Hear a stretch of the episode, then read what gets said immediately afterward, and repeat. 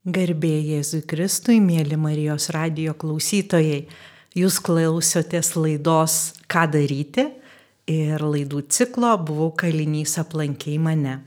Laidą vedu aš, Fausta Palaimaitė, o šiandieną studijoje kalbėsime apie pataisos pareigūno profesiją ir kaip tie žmonės taip pat tiesiog atlikdami savo darbą išgyvena jį kaip tarnystę ir kaip savo pašaukimą. Todėl šiandien su manim studijoje yra dvi žavios pareigūnės, kurios darbuojasi kartu su manim Kauno tardymo izolatoriuje. Tai Lina. Sveiki. Ir Eglė. Labą dieną, malonu su jumis pasikalbėti. Mes šiandien tiesiog norime truputį praskleisti tą uždangą ir papasakoti, koks yra pareigūno darbas. Neretai pataisos namų darbuotojus, kuriuos žinom, tiesiog vadina prižiūrėtojais ir atrodo, jie daugiau nieko neturi daryti, tik prižiūrėti. Ir tikrai žiūrėti reikia labai daug. Na, o mūsų pašnekovės papasakos truputį daugiau apie tai, ką jos dar be žiūrėjimo veikia kokiuose jos dirba padaliniuose ir kokios yra jų tiesioginės atsakomybės. Tai pirmiausiai kviečiu prisistatyti Liną. Sveiki dar kartą, esu Lina Kasparienė, kaip ir Fausta minėjo, dirbu Kauno tardymo izolatoriui, esu resocializacijos skyriaus specialistė, dirbu tiesioginį darbą su nuteistaisiais, suimtaisiais, su jais bendrauju, kaip jie mane vadina, tai esu jų auklėtoja iš tikrųjų, kalbant apie pasirinkimą mano, gal dėl ko aš čia esu, tai iš tikrųjų nuo mažumės labai norėjau būti pareigūnė, bet kažkaip ta svajonė vis ir likdavo ir neįsipildydavo. Tai dėl to tik tai dviejus metus kol kas esu sistemoje ir iš tikrųjų jaučiuosi, kad esu dabar ten, kur ir turėčiau būti. O prieš tai buvo bandymas kažkur kitur dirbti pareigūnė ar kaip? Svajonė buvo eiti dirbti į policiją, bet ji taip ir liko kažkodėl neišsipildžiusi, nes visiškai pasisuko mano gyvenimas kita linkme.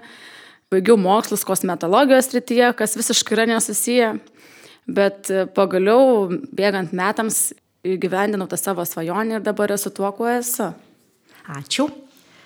Eglutė, o kiek tu laiko esi jau šitose pareigose ir šitame darbe? Šioje srityje dirbu jau 15 metai. Taip, darbo patirtis jau tikrai didelė. Ir kokia pradžia buvo? Gal jau vaikystėje jaučiau norą padėti ir ginti silpnesnius, kur tik galėdavau prisijungdavau prie savanoriškų organizacijų, organizuojančių pagalbas. Jau tada supratau, kad noriu tęsti ir susijęti savo gyvenimą kur galėčiau save realizuoti, tose veiklose, kur reikia pagalbos. Mano darbe man labai patinka spręsti suimtųjų problemas, manau, kad galiu jiems padėti integruotis per užimtumo veiklas, galiu įgyventinti savo bei jų lūkesčius. Labiausiai ir džiugina, kad ta veikla, kurią mes darom užimtumo tos programos, tas noras didelis jų skaičius dalyvauti. Esu labai patenkinta, kad galiu įgyvendinti šitą savo svajonę. Na, aš su šiomis pareigūnėmis susipažinau irgi jau savo darbe ir buvo tokia situacija, vieną dieną aš dirbu ten koplyčioje, atsivedu suimtuosius melstis, Ir mano koplyčios duris nėra labai sandarios. Girdisi viskas, kas vyksta koridoriu, kas kalbasi, kas ko klausia. Suimtieji paprastai yra visą laiką uždaryti kamerose, jiems jei atsitinka kokia bėda, jie kažko nori. Tai beldžia į kameros duris, kol prieina pareigūnas ir paklausia, ko nori, atsako, ar ten tiesiog kartais klausia, kiek valandų, arba prašo uždegti šviesą, tai būna labai keista, girdi, beldžia, beldžia, beldžia į duris, vienas pareigūnas vedžioja tuos simtuosius pasivaikščioti, į skambučius vedžioja nėra, prieina ir ten po kokių penkių minučių paaiškė, kad jam tik vat reikalas paklausti, o kiek dabar valandų, nes jisai žmogus laukia skambučio, kada jau galės ten kalbėtis ir vat jam neramu, kiek dar laiko iki to skambučio liko, arba teismas laukia apklausa ar, ar pasimatymas. Tai, žodžiu, tų tokių labai paprastų yra dalykų, kur mums reikia kažkaip padėti tiem žmonėm pas mus patekusiam ir yra labiau sudėtingų. Ir vieną kartą buvo tokia situacija, kad suimtasis buvo labai piktas ir jisai taip piktai rėkė, taip piktai keikės, kad aš pirmą kartą gyvenime man pasidarė tiesiog nuo to jo vat, reiškimuosi taip nesaugu ir baisu ir galvoti, kaip dabar pareigūnam, jie turbūt čia jį pagaus, uždės ten antrakius, kažkaip tai išves kažkur. Bet ten kažkaip girdžiu jam, būkit, laukit, ateis ten, susakė, susakė. Ir aš išeinu ir klausiu Eglės, kaip sakau, iš čia taip reikia, kaip jūs. Ai, sako, nu tai jeigu mane į kalėjimą pirmą kartą uždarytų, gal ir aš rėkčiau. Jų toks darbas rėkti, mūsų darbas jiems tarnauti. Tai aš tik tiesiog taip likau nu, susižavėjus tą akimirką, kad vat, jeigu iš tikrųjų yra tas tinkamas požiūris į klientą, kad tiesiog žmogus yra tokioj situacijoje, kad mūsų visų sistemos darbuotojų yra ta pareiga, uždavinys, kad tie žmonės kažkaip tai suvoktų savo ten tą situaciją, kad jie spręstų savo problemas, kad jeigu jiems tenka atlikti bausmę, tai atliktų bausmę, bet iš esmės, kad jie pamatytų tuos būdus, kaip jie gali integruotis ir, ir grįžti į visuomenę. Ir aišku, jeigu pareigūnai pagarbiai dirba, atsižvelgia jų klausimus, prašymus, tinkamai reaguoja, įspėja laiku, atkreipia dėmesį į jų netinkamą elgesį, tai kaip tik va, tas dalykas ir tampa toksai įmanomas. Ir norėjau paklausti jūsų, gal galite papasakoti tokius kažkokius, tai nu, kur jūs labiausiai tam darbe, tokius va, jautresnius kažkokius prisiminimus ar su suimtaisiais, ar, ar kažkokiose situacijose. Kaip pavyzdį galiu pasakyti, buvo toks jaunuolis ir jisai buvo iš Kauno, jam buvo skirtas suėmimas, kuriam ten laikui sankcija ir kažkaip jis atėjo į koplyčią, mes ten gana daug kalbėjomės apie įvairius dalykus ir tikrai buvo labai imlus, aš ten tiesiog, kadangi ir psichologinių žinių turiu, atkreipiau dėmesį į jo pasirinkimus, kodėl jis ten vienaip ar kitaip elgesi, kokie dar kiti būdai yra išreikšti tuos savo poreikius ir tikrai mes taip labai draugiškai bendravom ir paskui štai susitinku į Laisvės alėjoj, nes yra jo mėgstamiausia vieta, o mūsų darbas prie pat Laisvės alėjos yra ir gana dažnai susitinku ir mes pasisveikinam jau kaip draugai dabar. Tai galbūt jūs turit kažkokį tokį pavyzdį, kad galbūt kažkaip galėjot padėti, kažkaip per tą kontaktą, na, kur tikrai matot, kokia ta jūsų konkrečiai yra pagalba, prasmė to darbo. Mano tai gal tikriausiai toks vienas iš tų prisiminimų buvo, kur mes va, su kolege Eglė darėm patį pirmutinį renginį, kuris buvo skirtas moters dienos proga. Ir tuo momentu dar pas mus Kauno tardymo izolatorė gyveno šiek tiek daugiau moterių, jos suėmimo taip pat buvo laikoma suėmime pas mus. Ir mes to renginiu ne vien, kad norėjom, kad jos pasigražintų to, ką kasdienį jie negali, jos negali tiksliau pasidaryti, bet buvo tas, kad mes su juom buvom kaip su draugiam. Mes buvom trys pareigūnės ir merginų turėjom gal apie 30 tikriausiai.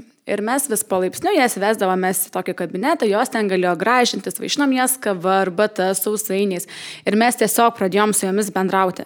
Ne vien apie jų nusikalstamumus, ar ne, bet apie taip, kaip jos pačios, kaip žmonės jaučiasi, kaip jos čia papuolė, kaip ar bendrauja su jų šeima ir artimaisiais ir tų moterų akis pilnos ašarų buvo, jos antiek buvo laimingos ir pakilėtos, sako, mums taip gera buvo su jumis bendrauti, kalbėtis, pabūti, tikrai, kaip pat ir sakot, kaip su draugiam. Ir mes tikrai tą dieną sakau, nežiūrėkit, kad mes uniformom, kad mes turim tas savo spets priemonės, bet tiesiog šiandien mes esam kaip draugės, mes šnekučiuojamės, bendraujam, gražinamės. Tai buvo labai, tas man toks išlikęs prisiminimas, kad jų akis ir tas jų visas toks spinduliavimas ir geris, kad jos tikrai išėjo pakilėtos ir atrodo net lyg ir geresnės iš to renginio. Aš tai gal norėčiau paminėti prieš tai Faustos tą atsiminimą apie tos rėkiančius asmenis, kurie tranko daužo duris ir kad ramiai prieinam ir sureaguojam. Tai gal čia tikriausiai kiekvienas iš savęs turim tą požiūrį atsinešti tokį, kad jau teismas jį nuteisė, jis atvažiavo atlikti savo bausmę, jau teisti daugiau aš nebeturiu teisės. Tiesiog aš ateinu dirbti savo darbą neturėdama iš ankstinio požiūrio, kaip į nusikaltelį ir nesmerkiu aš jo už tai. Gal smagiausi tokie dalykai ir atsiminimai visą laiką būna, kai atvažiuoja pastumtuosius artimieji ar šeima susitinki jį kartu su šeima ir jisai sako, mama, pasižiūrėk, čia sako, mano ta pareigūnė, Eglė, pristato mane, labai džiaugiasi, sako, aš apie ją jums tiek daug pasakoju. ir kažkaip labai smagu, kad jie džiaugiasi, pristato savo šeimai, tarsi kaip pažįstama kažkokią asmenį. Gal tas labai džiugina.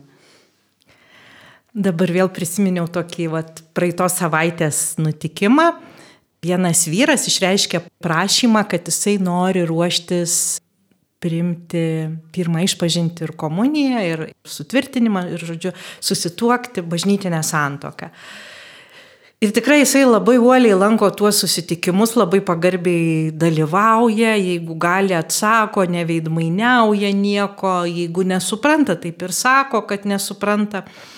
Ir aš tiesiog užėjau, ten jų yra tokia dalis, kur tie vyrai gali būti keletą valandų per dieną neužrakinti, laisvai vaikščioti ir aš galiu ten nueiti pas juos, nuėjus mėginau suderinti, kurią čia valandą mes susitiksim.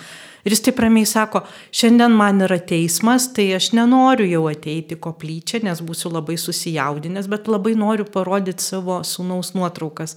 Ir jisai įsitraukė didžiausią pundą tų nuotraukų, turbūt nuo to vaiko gimimo iki trijų metų. Ir tiesiog rodo, kaip tas vaikas augo, kaip jisai su dėdukai, su jo žmona kaip tas vaikas važinėja dviratuku, kaip jisai kažkur tai sėdi prie vairo vairo laiko visai dar mažulis, kažkur parke. Ir tas žmogus yra nu, toks laimingas, toks patenkintas. Ir kažkaip atrodo tokie labai paprasti dalykai, atrodo, na, į mūsų pareigas nuotraukų žiūrėti kaip ir neįeina, bet supranti, kad tai yra tokie žmogiški dalykai, kuriais, jeigu žmogus nori pasidalinti, tikrai kažkaip tas jo buvimas yra kitoks ir jisai pasikalbėjęs apie tai, kas jam yra svarbu, gali ir ramiau kažkaip tai ten tą dieną kažkokius tuos dalykus, kurių jisai negali turėti, kurių nėra jo toj kasdienybei, nors gyvenime mes visi juos turim, na, kad ir ta vat, galimybė imti telefoną ir bet kam skambinti, bet kada ar ten, na, kažkaip tai internete kažko paieškoti, suimtieji mūsų tokių dalykų neturi. Jie turi kažkaip tai be to apsėjti, paskambinti gali tik tai tada, kada leidžiama, gali vaizdo skambutį turėti, bet irgi nelabai dažnai. Tai tikrai tas apribojimas pakankamai erzina žmonės ir mūsų ta bendrystė tą situaciją gal kažkiek gali sušvelninti. Eglutė yra saugumo valdymo skyriui, ar ne? Kokios, kokios yra tiesioginės pareigos, ką privalu daryti yra? Aš esu dinaminės priežiūros specialistė. Mano tiesioginės pareigos yra užtikrinti jų dienotvarkę. Į jų dienotvarkę įeina begalę veiklų, didžioji dalis jų nebuvo suimti ir nežino, ką ten galima veikti. Pirmiausia, tai rytas dažniausiai prasideda nuo to, kad vykdom rytinį patikrinimą. Tai einam tiesiog per kiekvieną kamerą, paklausiam ir kaip miegojo, ir kaip jaučiasi, ir kokie rūpeščiai, rūpimi klausimai jų. Toliau jau seka dienos darbai. Darbai prasideda nuo to, kad vedam juos pasivaikščioti į pasivaikščiojimo kemelius. Ten tiesiog yra sienos ir matosi dangus. Nėra lauko, bet tiesiog matosi dangus. Ir kokia kvadratūra to kiemelio? Tikrai nėra labai didelė, bet apie penki žmonės išeina pasivaikšto, yra sporto kiemeliai, kur yra sporto įrenginiai, jie ten sportuoja, šnekučiuojasi, nusineša radiją, kas klausosi radijos, kas tiesiog žiūri, kas kvepuoja grinu oru. Ir gali būti apie dvi valandas tam kemelį, kartais labai prašo, būna, išleidžiam tikrai ir ilgiau pabūna tuose kemeliuose. Jeigu yra toks poreikis, paprašo ir po pietų išvedam. Žmonėm norisi kartais pabūti ir atskirai, nes gyvena ne po vieną kamerose. Tai leidžiam tokią galimybę pailsėti, nusiraminti. Kokie kiti dar darbai yra? Vedam pas medikus, medicinos priežiūros specialistus. Ten būna dalinami vaistai, sužeisti, tvarstomi, suimtieji. Toliau. Dar tik norėjau įsiterpti, kad suimtieji yra lygiai kaip ir visi žmonės, kai kurie turi chroniškas lygas, kiti tiesiog vat, kažkokią dabar lygą turi ar jam pasireiškia ir lygiai jisai nieko negali turėti savo medicinos tenai dėžės vaistų visokiausių leidžiamų ir geriamų. Labai riboti dalykai yra ir, ir jeigu kažkokie tai vaistai yra paskirti, tai neretai reikia kiekvieną dieną, kad jis būtų nuvedamas ir kontroliuojama, kad jis pats juos ir išgertų, ne kažkam kitam parneštų. Tai dėl to yra irgi tokios pareigos ir tokios užduotis. Toliau dienos eigoje vieni keliauja sportuoti, kiti keliauja į teniso kambarį, norintis eina į televizijos kambarį ar žaidimų kambarį, kur gali užsimti kažkokia tai užimtumo veikla. Taip pat suimtieji yra vedami į kirpyklą du kartus per mėnesį. Nemažai dienos eigos užima apsiprekinimas tas pats. Suimtieji negali patys nueiti į parduotuvę apsipirkti. Jie turi prekes užsisakyti jau prieš savaitę, susidėlioti savo pirkinių krepšelį, užrašo viską į lapą paprastai, užsakomos yra prekes ir atnešamas tas maišelis, o mes jau atiduodam jam į kamerą. Vėliau vakare dažniausiai jie pageidauja bendrauti su savo šeima telefonu, nes visi žmonės laisvėje dažniausiai užsiemė, dirba, tai vakarė stengiamės visus išvesti, paskambinti telefonu savo šeimai. Tas skambutis gali trukti iki 15 minučių. Tai... Ir kiek kartų per savaitę? Kiekvieną dieną. Vieni renkasi vaizdo skambutį, kiti paprastą skambutį. Nuo šiol yra priimtas toks sprendimas, kad vieną kartą į savaitę duodam dar ir papildomą skambutį, kad galėtų daugiau tų socialinių ryšių palaikyti, sustiprinti tuos ryšius. Jie tikrai mielai tą priema ir taip. Dar liko dušas. taip, dušas oficialiai tai priklauso du kartus per savaitę bet tikrai išvedam daug dažniau į tą dušą, ne tiek, kad ir patys suprantam, kaip norisi nusiprausti, bet ir kartais ir privalu. Tai jie tikrai nemažai dalį užima tos savo laisvalaikio sportuodami. Yra krepšinio aikštelė.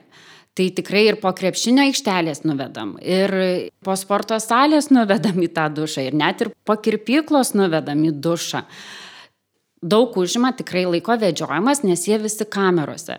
Prieiti prie kiekvienos kameros, nuvesti juos į tą dušą ir palaukti ir vėl parvesti, užtrunka laiko tikrai ir turim tokius lapelius, kur žymim, ar tikrai tą kamerą išėjo, ar nepamiršom kuriu nors, kad visus suspėtume išvesti. Tai tikriausiai tam bendravimui ir nelabai lieka jau laiko tas bendravimas ir vyksta daugiausia einant. Eini tam koridoriui ir bendrauji, ir kalbi. Ir per tą laiką atrodo toks gal ir neilgas tas laikas. Net ir prekes dalinant pasikalbam.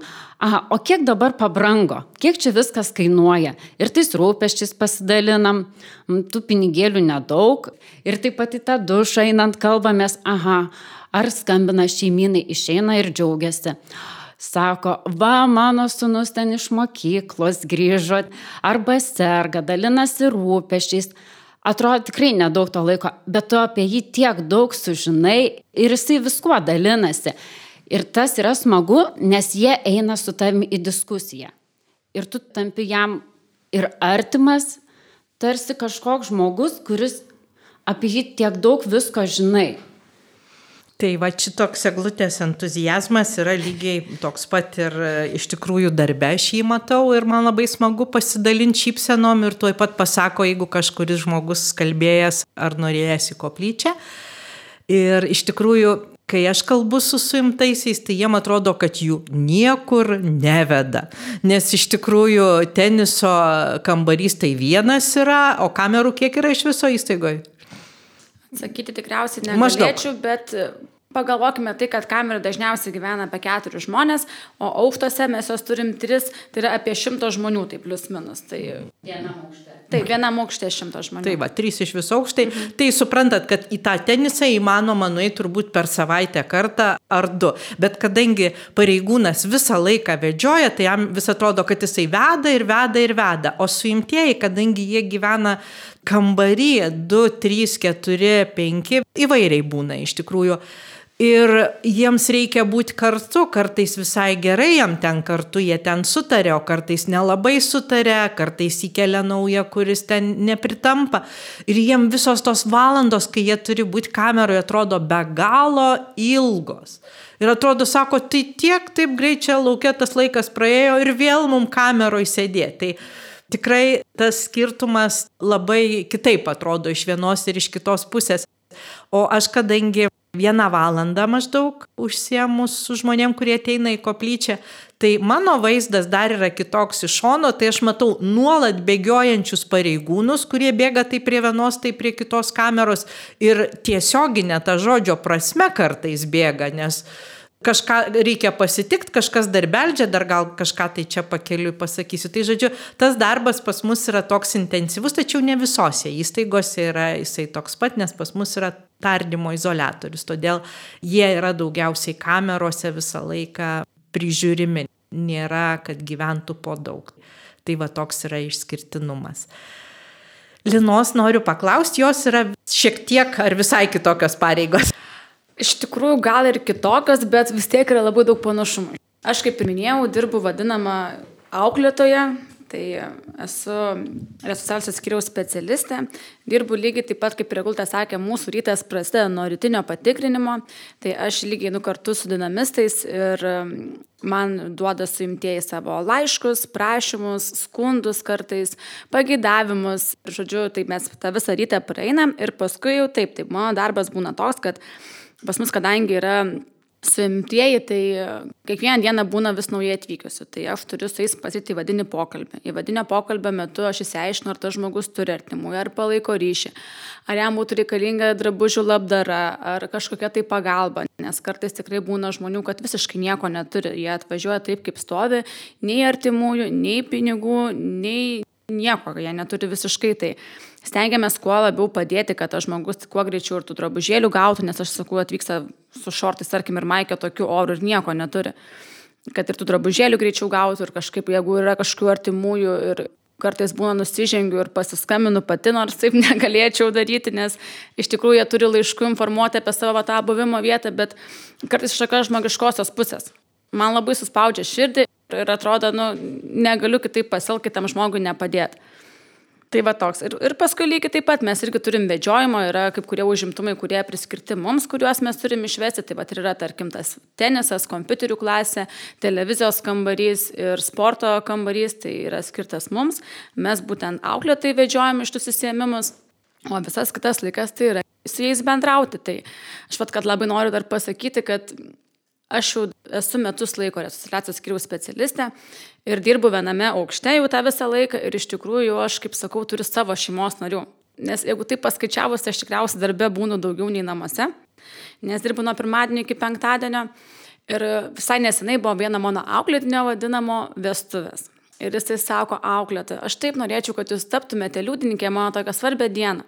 Ir žinokit, kaip man suspaudė širdį, kad jis norėjo, kad aš būčiau tą dieną. Ir tikrai aš dalyvavau ir buvau liudininkė ir priejau jo žmona, apsikabino ir sako, ačiū Lina už visą tai, ką darai dėl manęs, dėl mano vyro, kad jisai dabar yra rimtesnis, drausmingesnis, mažiau nusižengimų padarantis, nes pagaliau mes atradom su jo ryšį ir tada, kai jam būna blogai, jis kviečiasi mane ir mes sprendžiam problemą. O jis nedaro problemos su begalė kitų žmonių aplinkui, dėl ko paskui gali gauti, tarkim, tarnybinį dėl nubaudimo. Tai iš tikrųjų man irgi, kuo aš esu tikra, tai labai matosi, kai žmonėm yra pagalba, su jais bendraujama ir jie tada kažkaip ieško tų tokių primtinų būdų, kaip išsispręsti savo problemas, patenkinti savo poreikius, o kai jie negauna tokio atsiliepimo, tai tikrai negalėdami turėti prieimo prie kitų žmonių, prie to, ko jiems reikia, būna irzlus, sunku tada susitarti, būna daug pykčio ir, ir labai skiriasi ta jų savijauta tokia. Man irgi tekia yra panašių tokių situacijų. Vienas suimtasis, jis irgi labai ilgai buvo ir aštuonis mėnesius ruošėsi priimti krikštą. Nu ir aš klausiu, o tai kas bus tavo, tu turi pagalvoti, kas bus tavo krikštotas liudininkas, nes vyras suaugęs, jau subrendęs ir tikrai jisai uoliai visas katechezės buvo, perskaitė Naująjį testamentą, melzdavosi kartu su manim. Nu, mane visada labai sujaudina, kai vat, mes sėdim su vyrais ir melžiamės rožinio kokį slėpinį, arba jie irgi nuoširdžiai išsako tą savo maldavimą. Nu ir jisai sako, Fausta, taigi jūs būsit mano krikšto mama, nes aš neturiu nei vieno savo aplinkoje žmogaus, kuris būtų tikrai tikintis. Na ir aš daug labai nesimuiščiau, nes tikrai žinau tokių atvejų, kai žmonės taip ir nepriema krikšto sakramento, nes niekas jiem nu, nesutinka būti tuo liudininku, globėju, kas yra numatyta pačioj toj bažnytiniai teisėjai, kad toks žmogus privalo būti, kuris suaugusiam žmogui jau ten juk nereikia jo tikėjime lydėti, tik tai tą akimirką paliudyti ir melstis už jį. Ir, ir iš tikrųjų paskui labai toksai įdomus jausmas yra, kai va ateini, o jisai šaukia per visą koridorių, mano krikšto mama ateina. Ir nieko, jis jau yra kitoje įstaigoje šiuo metu, laiškų nerašo, nepalaiko, bet aš jį tikrai prisimenu maldą ir iš viso širdies linkiu, kad jisai atlikęs bausmę grįžtų į gyvenimą, į savo šeimą, su tai žmonėm, kurie jam brangus ir kažkaip kitaip gyventų, kad nebereiktų jam į tokias įstaigas pakliūti. Tai kartais atrodo nebaisu, čia kažkokie tai įsipareigojimai, bet iš tikrųjų ir tie patys suimtieji ir nuteistieji, jie labai mato, labai aiškiai mato, ar tu tiesiog žmogiškai padedi, ar esi čia kažkokiem kitokiem reikalam, kažkokius tai savo reikalus tvarkais, ar kad jis tiesiog tau nerūpi. Tai labai tie dalykai ir nu, jaučiami yra. Dabar labai norėjau jūsų paklausti, kad papasakotumėt apie per šitus metus, kiek organizavote įvairių iniciatyvų, renginių, akcijų. Paskutinis tai buvo toks, stoviu aš stoteliai, skambina man eglutė, sako, mes darysim su suimtaisiais rožančius. Nu, negalvoju, kodėl rožantį nusipirkti galima, ne, ne tegu daro rožančius. Tai aš čia dar pasiginčiau kokių 15 minučių gal, o paskui supratau, tai žinoma, kad šimtą kartų geriau, kad jie daro rožančius ir kabina kryželius, negu kad pieštų velnius. Tai ir jie melsis, ar jie nesimels, bet vis tiek tai yra religinis toks dalykas, kuris vis tiek tą mintį pakelia į Dievą, kam jis skirtas. Jūs jeigu jisai daro tą rožančių, tuos karoliukus kažkaip tai veria, tai žiūri, ar bus patogu melstis. Tai jisai galvoja, kad melsis gal ir mums pavyks su eglute padaryti ir su visais, kurie čia prisijungs, kad ir pasimelstų, kad ir paklausytų kokį liudijimą, koks vyras gal ateis pasakyti, ar nusifilmuosiu, kaip melsdamasis rožinis, jis atrado prasme ar dar kažką. Tai Tai man tik tai vėliau po pokalbio, bet tai patiko, kad jį taip ryštingai pareiškė, kad darys tuos rožančius. Tai čia ateičiai, jeigu kam reikia rožančių, kreipkitės į mane. Galėsim pasidalinti, o dabar noriu paklausti apie kitus renginius, kokius jūs organizavot. Žinau, kad jau hospisą važiavot, kad Kauno įgulos bažnyčioje buvo renginys, tai norėčiau, kad plačiau papasakotumėt, gal Lina. Iš tikrųjų, tai tų renginių buvo labai daug. Mes net, iš tikrųjų dabar net nesuskaičiuotume, kiek apskritai mes jau jų turėjom, bet čia, vat, kaip jūs ir minėjote, tai tikriausiai vieni iš paskutintųjų tokie buvo. Tai metų pradžioje berots važiavom į šuniukų prieglaudą, į gyvūnėlių prieglaudą, kur taip pat buvo nuteistieji gamino tokius kaip čiūžinukus gyvūnėliams, kurie neturi šeimos, tai mūsų nuteistukai juos siuvo, padarė ir mes juos vežėm, tai buvo toks irgi labai gera matyti ir tų žmonių prieglaudai dirbančių akis, kad jūs tikrai mūsų nepamiršot ir ta prasme, nu, ir maistelę mes ten jiems vežėm, tai buvo toks labai gražus. Paskui taip, tai hospise, tai hospise gamino. Norėčiau truputį smulkiau. O kaip siuvo? Rankom? Taip, turėjo iš tikrųjų vieną siūlo mašiną, tai mums, mes kažkaip, kaip čia padaryti, tai mes panaudojom senas pagalbės ir čiūžinius. Čiūžinius, taip. Visa mm. mintis, tai atsimenu, kilo mes su Linute vesdavom suimtuosius į kirpyklą. Ir kol mes laukdavom, kad juos apkirps, sėdėdavom ant čiūžinių. Sėdim, sėdim ant tų čiūžinių ir matom, kaip seni čiūžiniai yra nurašomi ir tiesiog išmetami į konteinerį. O jau artėjo kalėdos. Gavom, oho, koks kiekis, oho, į savartyną, o pačios tai mes taip rušiuojam atliekas. Galvom, ne, čia kažką reikia padaryti. Ir gavom kalėdos, nu visi gauna dovanas. Aha, gyvūnai, mhm, šalta, plytelės, reikia siūt. Aha, sugalvom tos daryti gultukus. Čia žinių turim, padarysim, įdarbinsim. Jau tuos nuteistuosius susimastėm, susiradom. Reikia medžiagos tvirtos, geros. Lina, aš žinau, aš gausiu. Iš pradžių tą medžiagą tai buvo labai jokinga. Sako, nu mergaitės, čia duosim gal jums atraižas tokias siauras, kaip nors susisiūsit. Nu galvoju, nu tikrai kaip nors susisiūstas medžiagas. Bet iš tikrųjų tai buvo šeimininkai labai gerai širdiški ir davė mums labai didelius gabalus tos medžiagos. Ir ten iš tikrųjų buvo paprašiau jos siūti ir vienas nuteistukas, su, gal du man atrodo, nuteistukai, jie mums per, nežinau, gal kokį nepilną mėnesį ir žinokit, prisiuvo nemažai tų gultukų kuriuos mes padovanom Lietuvos gyvūnų globos namams. Mhm. Tai gal klausytojams atrodo keistai, kad tokiais dalykais susiema, bet esminis dalykas, ką mes tengiamės nuveikti, kad suimtieji turėtų kažkokį tai užsiemimą, nes jo neturėdami ateina ir liūdnos mintys, ir tas bevertiškumas, nu, vad, kad tu jaunas vyras sėdi čia užrakintas ir nieko naudingo nedarai. Ir net labai paprasti tokie dalykai, jie atneša gana daug džiaugsmo. Iš tikrųjų, taip. Ir žinot, dar kas labai padeda, nes e, mes darom tų renginių ir viduj, jų yra tikrai ne vienas ir ne du. Bet smagiausia, kai mes gaunam, ar ne, sakyk, atgalinį ryšį.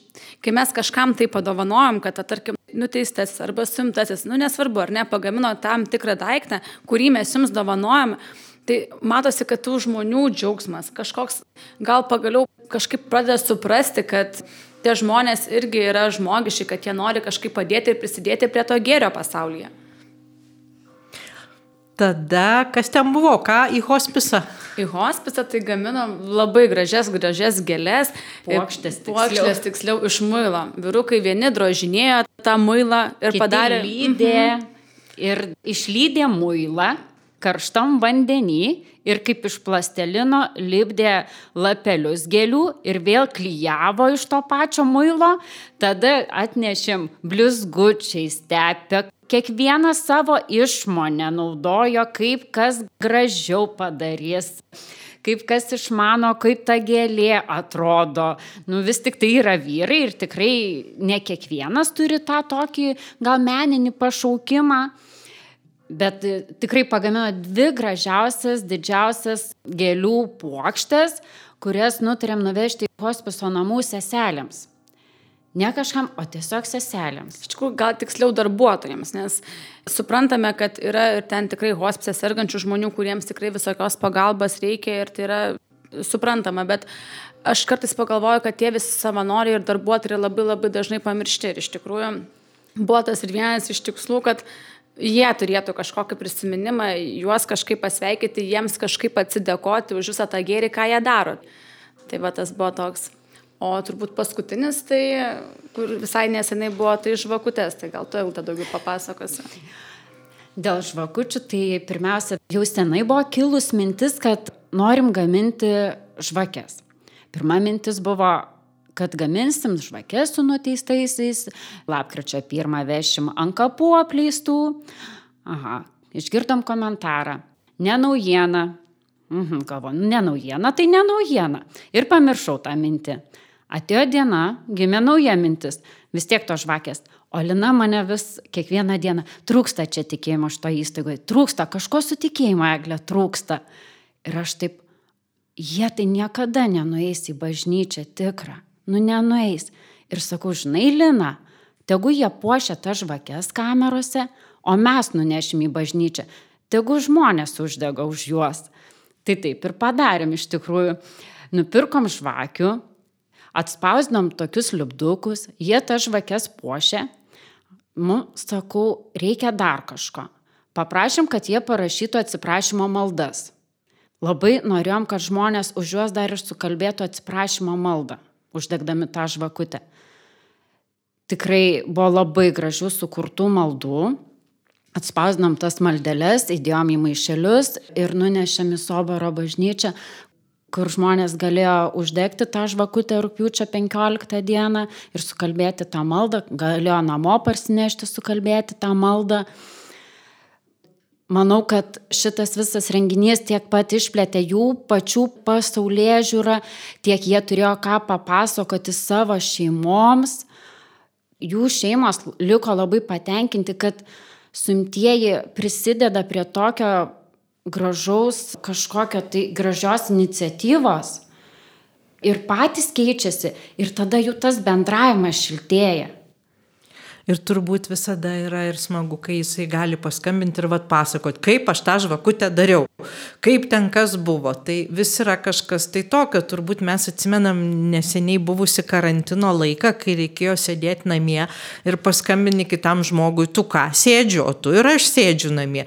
Ir tiesiog aš tik tai tada pati suvokiau, kaip yra va, tiem žmonėm, kurie suimti, kurie nuteisti, nes nu, nėra ką papasakot, kad valgiau, kad ėjau pasivaikščiot, kad ten padariau rutininius darbus, tačiau jie nepalieka tokio įspūdžio, o šitie užimtumai taip pat ir pagyvina tą patį bendravimą.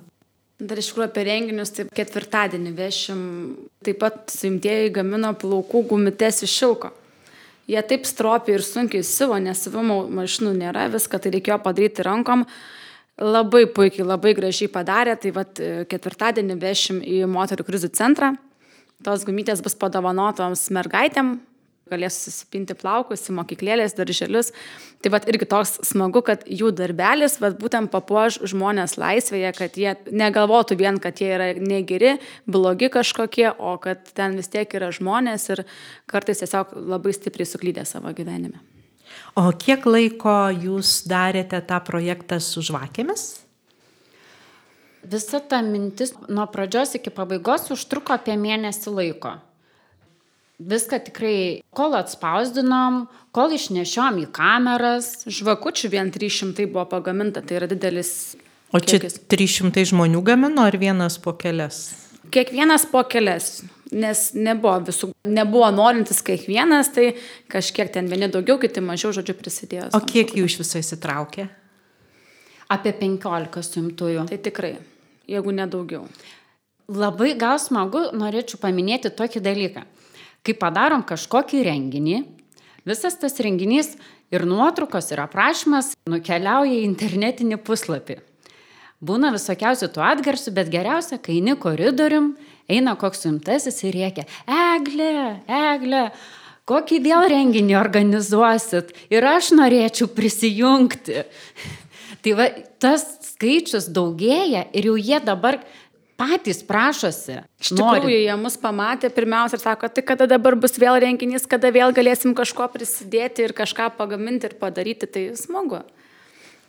Nes jeigu net, pavyzdžiui, kameroje vienas žmogus užsiemęs kažkokiais tai darbeliais, tai jis pats jau entuziastingai kažką tai daro, tai tada ir nuotaika visoje kameroje yra kitokia, nes na, pas jį tas optimizmas nuotaika pakyla, tai tuo pačiu ir kitų. Ir nesvarbu, kad ne visi dalyvauja, bet kiekvienas pozityvus užimtumas įneša pozityvo visą įstaigos tą tokią nuotaiką.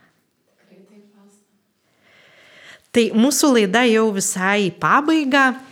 Norėjau dar apibendrinant pasakyti, kad iš tikrųjų mes labai menkai, kurie nesame buvę tose įstaigose, suvokiame, kokie žmonės ten atlieka bausmę, kad jie yra lygiai tokie pat kaip mes. Ir nors yra tas posakis, kad ir kiekvienas žmogus gali atsidurti toje būklėje, bet labai svarbu suvokti, kad kiekvienas, koks jis bebūtų, ar jis yra nuteistasis, ar jis yra priklausomas žmogus, ar jis yra, na, nežinau, padaręs kažką baisaus, bet to jis dar yra kažkieno sunus, galbūt kažkieno tėtis, yra dar kažkoks tai kažkokios ryties specialistas, moka kažką daryti, turi daugybę dovanų ir va mes jeigu savo visuomenės nariam padedam susitelkti į tai, ką jie gali gero daryti, tai tikrai jie dažniausiai Žinoma, šimta procentų taip nebus, bet dažniausiai tą ir darys. Ir jeigu mes jį išskiriam, stigmatizuojam, pranešam, kad jis vagis, melagis, koks tenai nusikaltelis, smurtautojas, narkomanas, tai kaip ir žmogaus nelieka, lieka, lieka tik tai pavadinimas. Tai aš kiekvieno, kuris klausosi radio, noriu paprašyti, kad labai atsargiai tuos žodžius vartotų ir visada turėtų galvoj, kad po tuo pavadinimu dar yra daugybė dalykų tame žmoguje, kurie netelpa ir kurie yra visiškai skirtingi ir kad šita būklė ji nėra amžina kad Dievo akivaizdoje mes visi esam mylimi jo vaikai ir viešpat suteikia atleidimą ir išganimą kiekvienam, kuris artinasi. Tai mes būdami krikščionis, pirmiausia, kokia yra mūsų pareiga, tai parodyti tą mylinti, laukiantį tėvą kad suklydęs žmogus galėtų iš tikrųjų atgailauti, iš tikrųjų atsilyginti už savo kaltes ir priimti tą atleidimą. Ir pats geriausias būdas tai yra parodyti per pagarbą, per tiesioginį liudymą, kreipiant tą žvilgsnį ir mintį, parodant tą gailestingą į Dievo veidą. Tai šiandieną jūs klausėtės laidos Ką daryti.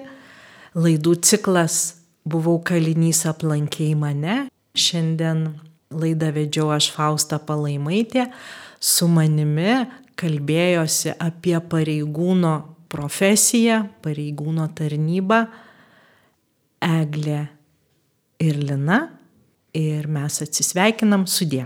Sudė. Sudė.